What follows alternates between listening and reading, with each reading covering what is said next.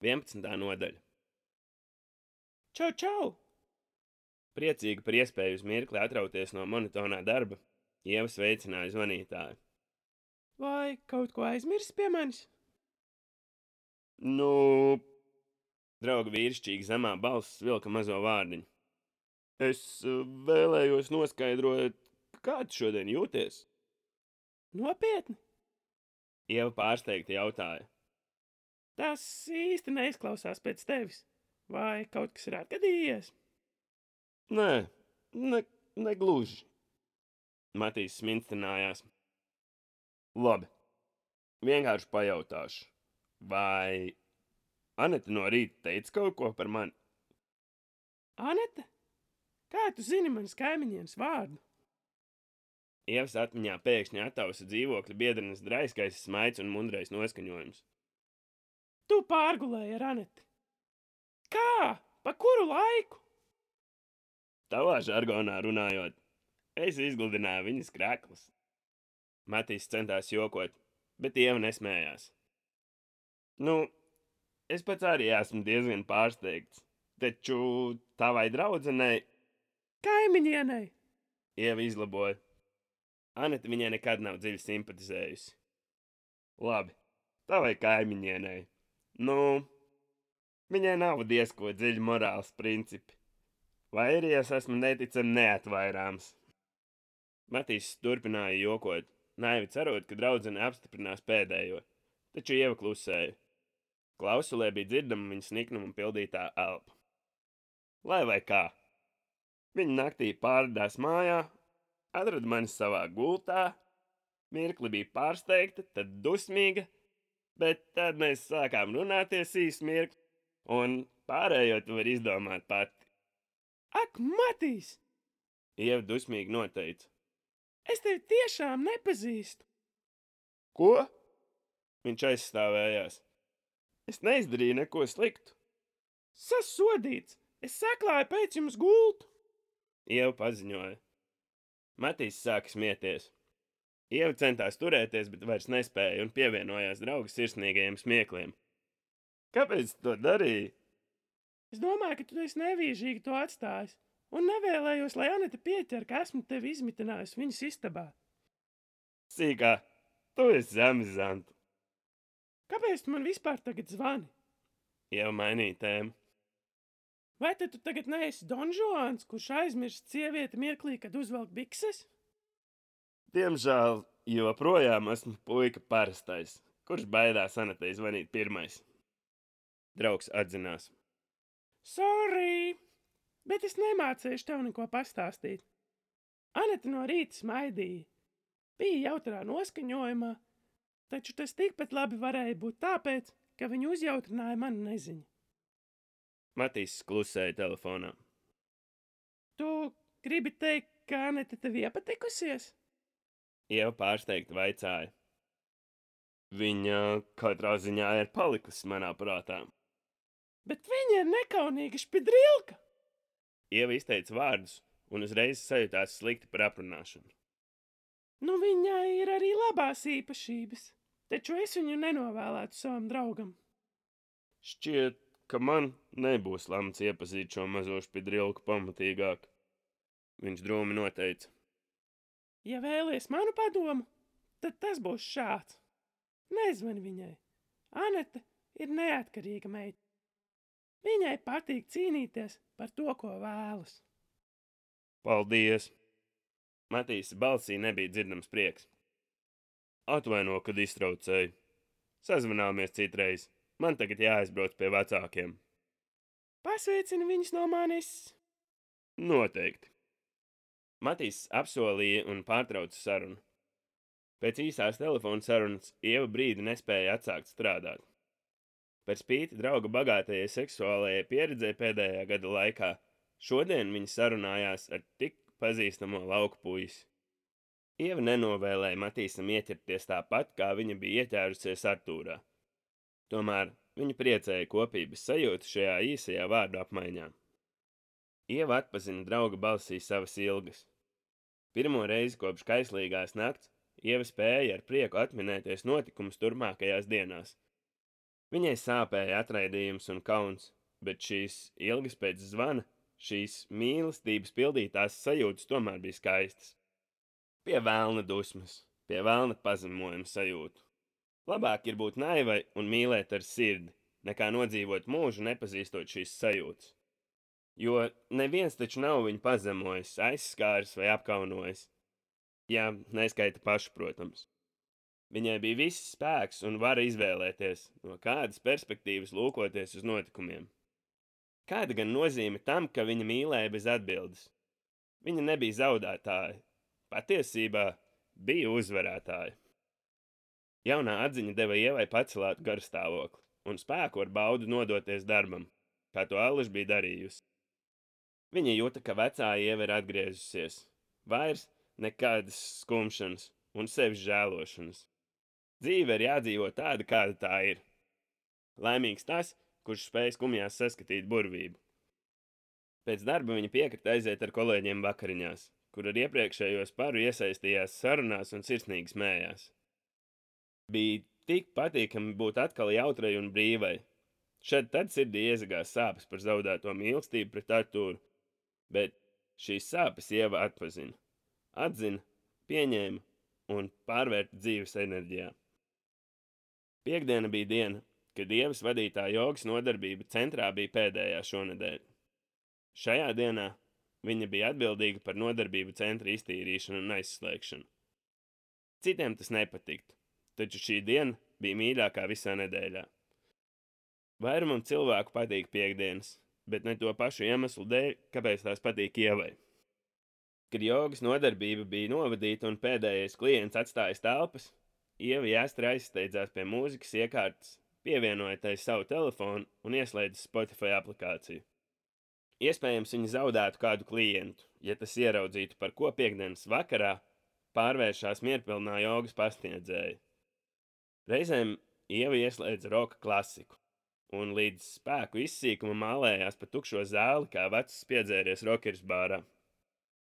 Citreiz viņa pieskandināja telpas ar kubas ritmiskajām skaņām, un iztēlojās sevi kā kustīgu čikitu, kura veikli kustina gurnus un eleganti spārda kājas, veidojot neticami skaistu deju. Vairumā gadījumu viņas kustības izskatījās neveiklas.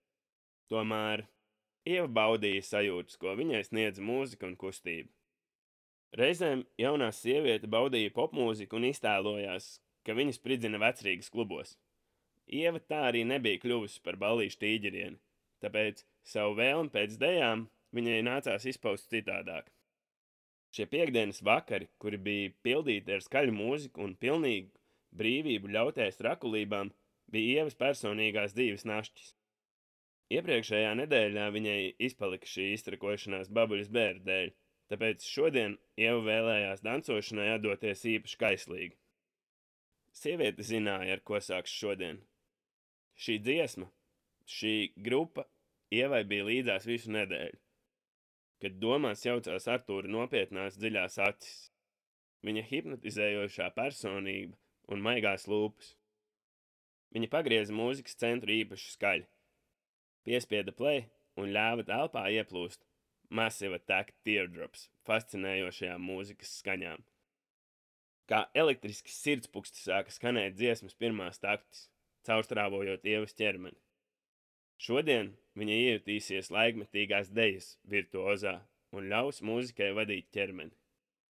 Meitene aizvēra acis un lēnām atbrīvoja katru ķermeņa locekli, katru šūnu, kas tagad piederēja brīnišķīgai mūzikai.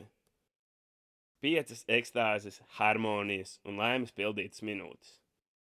Ieva piederēja šai dziesmai, viņa laidani kustējās mūzikas ritmā, Bija rokas tieši tik viegli un vienmērīgi, cik mūzikā savstarpēji vijās notis. Dziesmas beigās sieva nostājās stabilu uz kājām.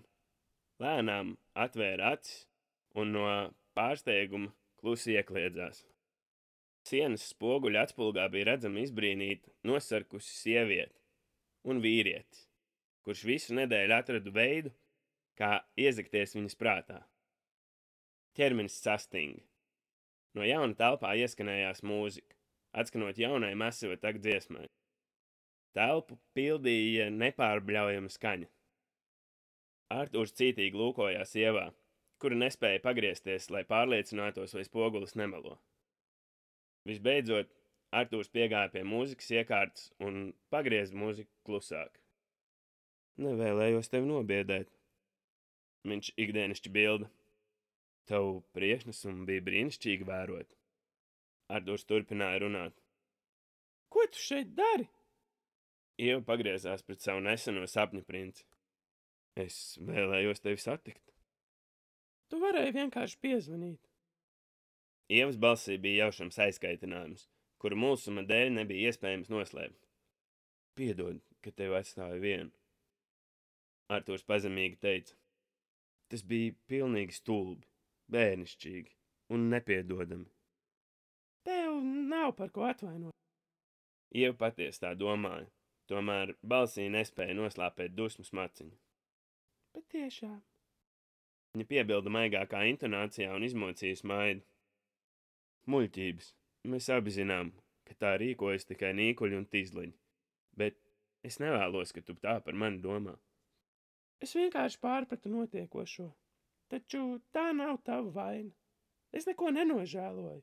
Ja nāci lūgt man piedošanu, tad vēl tik tiešām starp mums viss ir kārtībā. Ievi joprojām stāvēja atstats no Artūra. Vīrieša seja bija ieristi nogurusi, taču viņš šķita pievilcīgāks nekā jebkad agrāk. Bija muļķīgi cerēt, ka viņa spēs viņu tik viegli aizmirst. Atsākt sekmīgu dzīvi bija viegli, bet kontrolēt savas jūtas, Artūru satiekot, tā bija neiespējamā misija. Tomēr, lai kādi būtu vīriešu nolūki šurp nākot, Ieva vairs nevēlējās iesaistīties attiecībās, kurās ir vienīgā, kas uz spēles liek savu sirdi. Viņa nav un nekad nebūs draiskula, kura spēja norobežot seksu no jūtām. Par spīti elkām pieskarties Artūram, vēlmei sajust viņa skūpstu un glāstus, jau vairs negribēja būt mazā muļķīte. Artūrs stāvēja atspiedies pret durvju stenderi un izskatījās meklējuma vārdus. Piedod, piedod, kad es visu sačakarēju. Manai rīcībai nav attaisnojuma. Diemžēl manas rīcības attaisnojums ir tik apkaunojošs, ka es labāk to paturētu pie sevis. Viņš ievilka dziļu elpu, izlaida caur matiem roku un vaicāja: Vai es varu lūgt vēl vienu iespēju? Iespēju? Jau pārsteigti jautāja. Iespēju kam? Atsākt starp mums jebko, kas bija sācies. Draudzību, attiecības, vienkārši sarunu. Es tiešām nezinu. Man šķiet, ka mēs vienkārši esam pārāk atšķirīgi. Diez vai mums izdosies izveidot draudzību.